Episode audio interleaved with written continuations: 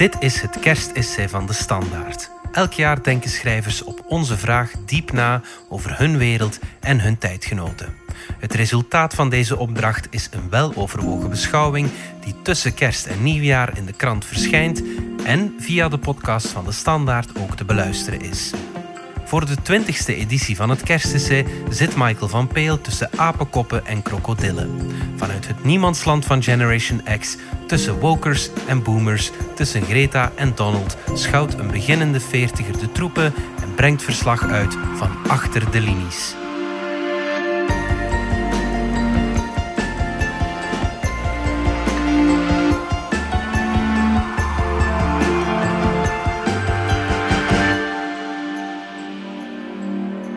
Tussen apenkoppen en krokodillen, deel 4.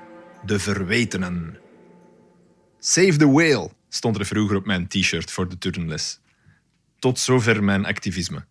Veel meer werd ik niet geacht om op te geven voor deze strijd.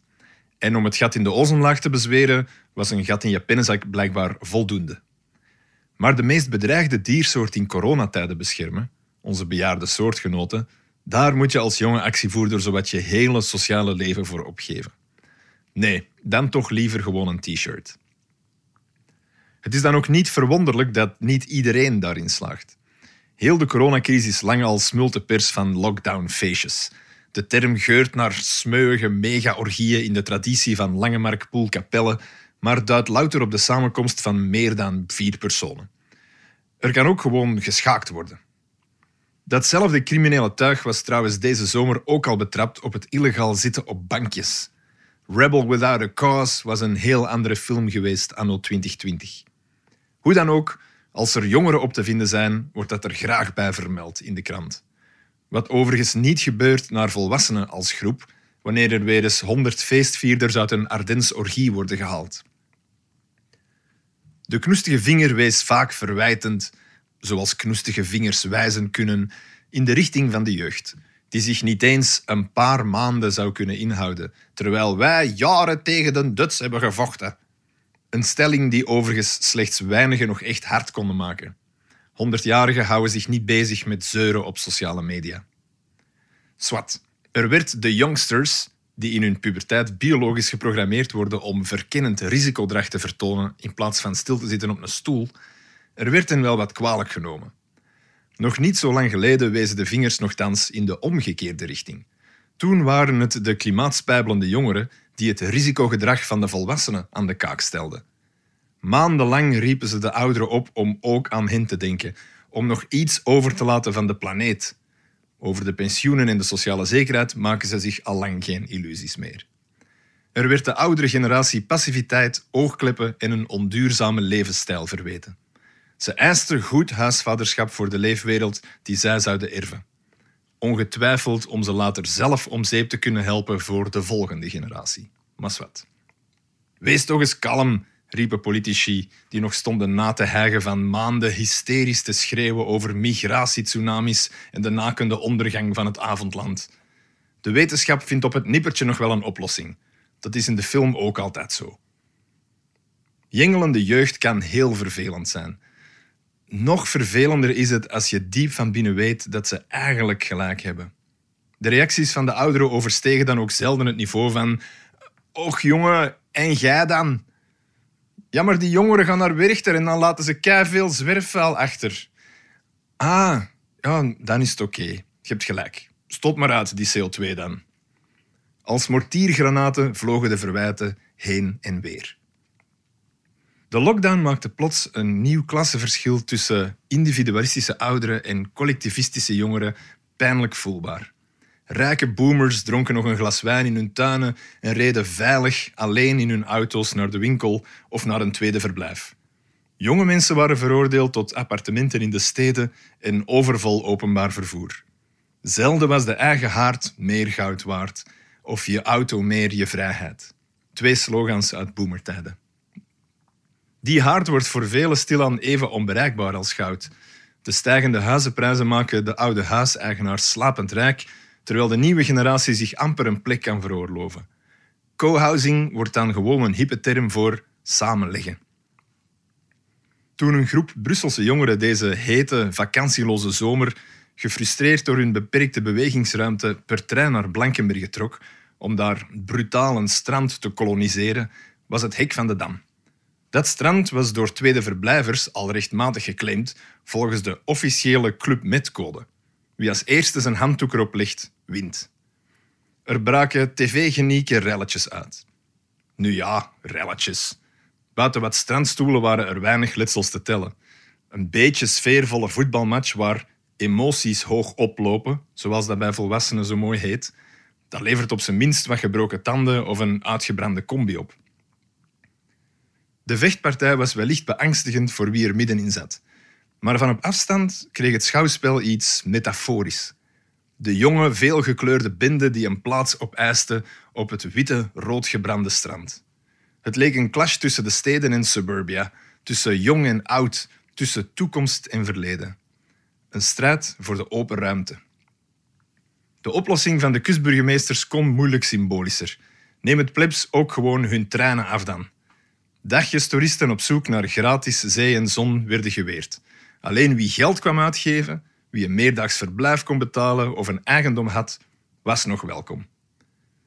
Daarbij dook het doembeeld op van een machtige nieuwe klasse van onkwetsbare Uberjugend die vrij kon bewegen terwijl de oude rijken opgesloten zaten in hun kooien. De machtsverhouding keerde om. Jongeren die je vroeger hoogstens hun zakgeld kon afpakken, gijzelden nu de ouderen met hun dierbaarste bezit, hun gezondheid. Of toch tenminste hun strand. Het grote verwijt van millennials aan de boomers is dat ze op een hoop vlakken de boel verpest zouden hebben voor de jongste generatie. Dat zij het milieu vervuild hebben en het geld opgesoupeerd. Dat zij in grote huizen wonen met een dik loon en zich nergens nog iets van aantrekken, terwijl millennials amper rondkomen en een lagere levensstandaard hebben. Dat is uiteraard een beetje kort door de bocht. Hun ouders waren ook niet per se armer, maar hadden en deden gewoon minder. Geen smartphone, laptop, iPad, Deliveroo of citytrips. Vliegen als jongere was voor hen een absolute luxe. De elite werd vroeger niet voor niets omschreven met het woord jetset. Voor veel millennials is een citytrip naar Barcelona heel gewoon. De student van nu geeft veel meer uit. Ik had als student al een oude PC. De snelheid van mijn internetverbinding hing af van hoe snel ik daarvoor naar de computers in de bib kon fietsen. Mijn vader in zijn tijd, op kot in Leuven, bezat een bureaulamp, wat boeken en een pijp. Dat was het.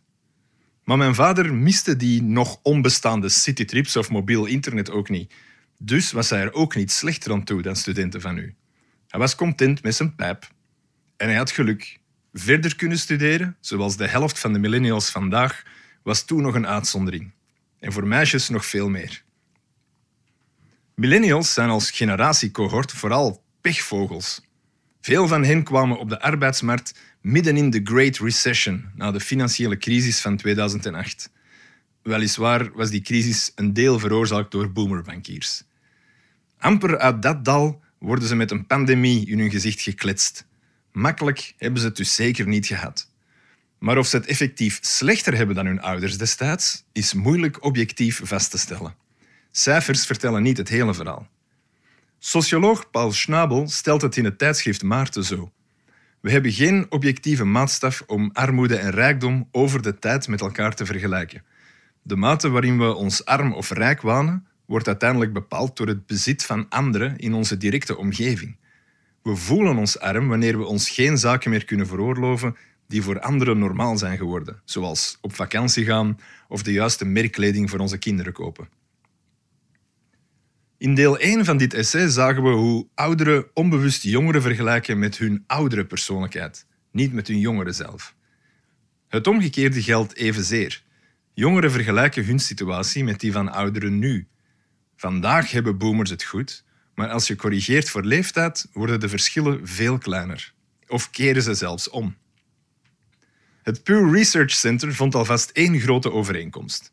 Als de jongste volwassen generatie hebben millennials het minst vertrouwen in de toekomst. Precies zoals Generation X en de babyboomers hadden toen die jongvolwassen waren. Het wordt beter. Klimaatjongeren en corona-ouderen verwijten elkaar allebei egocentrisme, dat ze geen rekening houden met het welzijn van de andere groep. Het sleutelwoord hier is groep. Natuurlijk geeft elke grootouder individueel om zijn eigen kleinkinderen en omgekeerd. Het wordt abstracter wanneer je ook moet geven om de ouders en kinderen van al de rest. Of het nu gaat over binnenblijven met corona of de ecologische voetafdruk beperken voor het klimaat van de toekomst, in beide gevallen gaat het om een ingrijpende wijziging van de eigen leefgewoontes, waarbij objectief gezien de lasten enkel liggen bij de eigen groep en de opbrengsten enkel bij de anderen. Jongeren zijn quasi onkwetsbaar voor het virus. Ouderen zullen geen last meer hebben van klimaatverandering in de toekomst. Wanneer er dan zelfs geen rechtstreekse oorzaak-gevolgrelatie is, mijn individuele gedrag heeft geen invloed op de uitkomst, alleen het collectieve gedrag, vereist het een heel grote discipline, fatsoen en bakkenburgerzin om je gedrag te wijzigen. Jongeren en ouderen realiseren zich niet ten volle wat ze van de andere groep vragen. Is makkelijk te eisen om luxe of welvaart op te geven als je zelf nog niks hebt verworven. Voor ouderen die een leven lang gewerkt en gedroomd hebben om te bereiken wat ze bereikten en hun identiteit daaraan verbonden hebben, is dat een andere zaak. Het is ook makkelijk te vragen om een jaartje binnen te blijven als je er zelf al decennia van hebt verzameld. Eén jaar is lang als je er nog maar 16 op de teller hebt staan. In jonge hondenjaren zijn een paar maanden een eeuwigheid. Binnenblijven van uw 16 tot uw 17 weegt een pak meer door dan van uw 43 tot uw 44. Je krijgt bovendien maar zeven jaar de tijd om tiener te zijn. Daarna mag je pakweg 50 jaar rondzwemmen in volwassenheid alvorens een graad van gepensioneerde ouderdom intreedt. Bedrijven zullen nog maanden nodig hebben om hun gekelderde omzet goed te maken. Maar leerlingen zullen hun achterstand grotendeels op tijd moeten ingehaald hebben om terug in het systeem van schooljaren te passen. Volgens getuigenissen is de werkdruk met extra taken en toetsen verpletterend, de stress en de angst naar gelang. We eisen dan ook nog eens 100% gehoorzaamheid van een jeugd die bijna totalitair gesurveilleerd wordt. Denk je echt dat die recalcitrante hippies en punkers met hun raves vroeger geen lockdown-parties hadden gehouden? Ik weet niet of ik zelf de motivatie zou hebben gehad om niet te zeggen: kust allemaal mijn kloten. Hel, ik kom met Generation X. Zelfs zonder die extra stress zeiden wij al: kust allemaal mijn kloten. Pubers die al in de onzekerste periode van hun leven zitten, waar al behoorlijk wat van gevraagd wordt op sociaal vlak en qua schoolprestaties, worden dan ook nog eens met de vinger gewezen voor wat bepaalde soortgenoten uitsteken. Een anonieme jonge vrouw antwoordde het mooi in deze krant. Ik mis het om rebels te kunnen zijn zonder immoreel te zijn. Intussen moeten jongeren die zelf weinig of geen last hebben van corona, maar wel van de maatregelen, nog wat langer op hun tanden bijten. Jongeren lopen achterstand op op school en in hun sociale ontwikkeling. Er ligt nog jaren een verborgen emotioneel en psychologisch slagveld achter de horizon. Maar ook de oudsten, in de winter van hun bestaan, hebben niet echt het gevoel dat ze veel tijd te verschijten hebben. Het echte leven staat op pauze, maar het biologische leven tikt voort. De kleinkinderen worden razendsnel groot, de gezondheid wordt niet beter en intussen wachten we maar af. Met als overtreffende trap van droefnis zij die het afgelopen jaar effectief hun laatste dagen beleefd hebben in isolement en eenzaamheid. Het sociale isolement van deze pandemie weegt op iedereen, maar het zwaarst op de jongste en de oudste. De vaccins liggen onder de kerstboom, voor sommigen zal het een laat paasei worden. Het is tijd voor een generationeel kerstbestand. De mortieren even laten zwijgen, zodat we elkaar weer kunnen verstaan. Vrede op aard aan alle generaties van goede wil. Eén verwijt klopt natuurlijk wel. Het geld en de macht zit bij de ouderen. Het zijn wij, de ouderen, die de touwtjes in handen hebben. De jeugd heeft de dromen, de ouderen de macht om die waar te maken.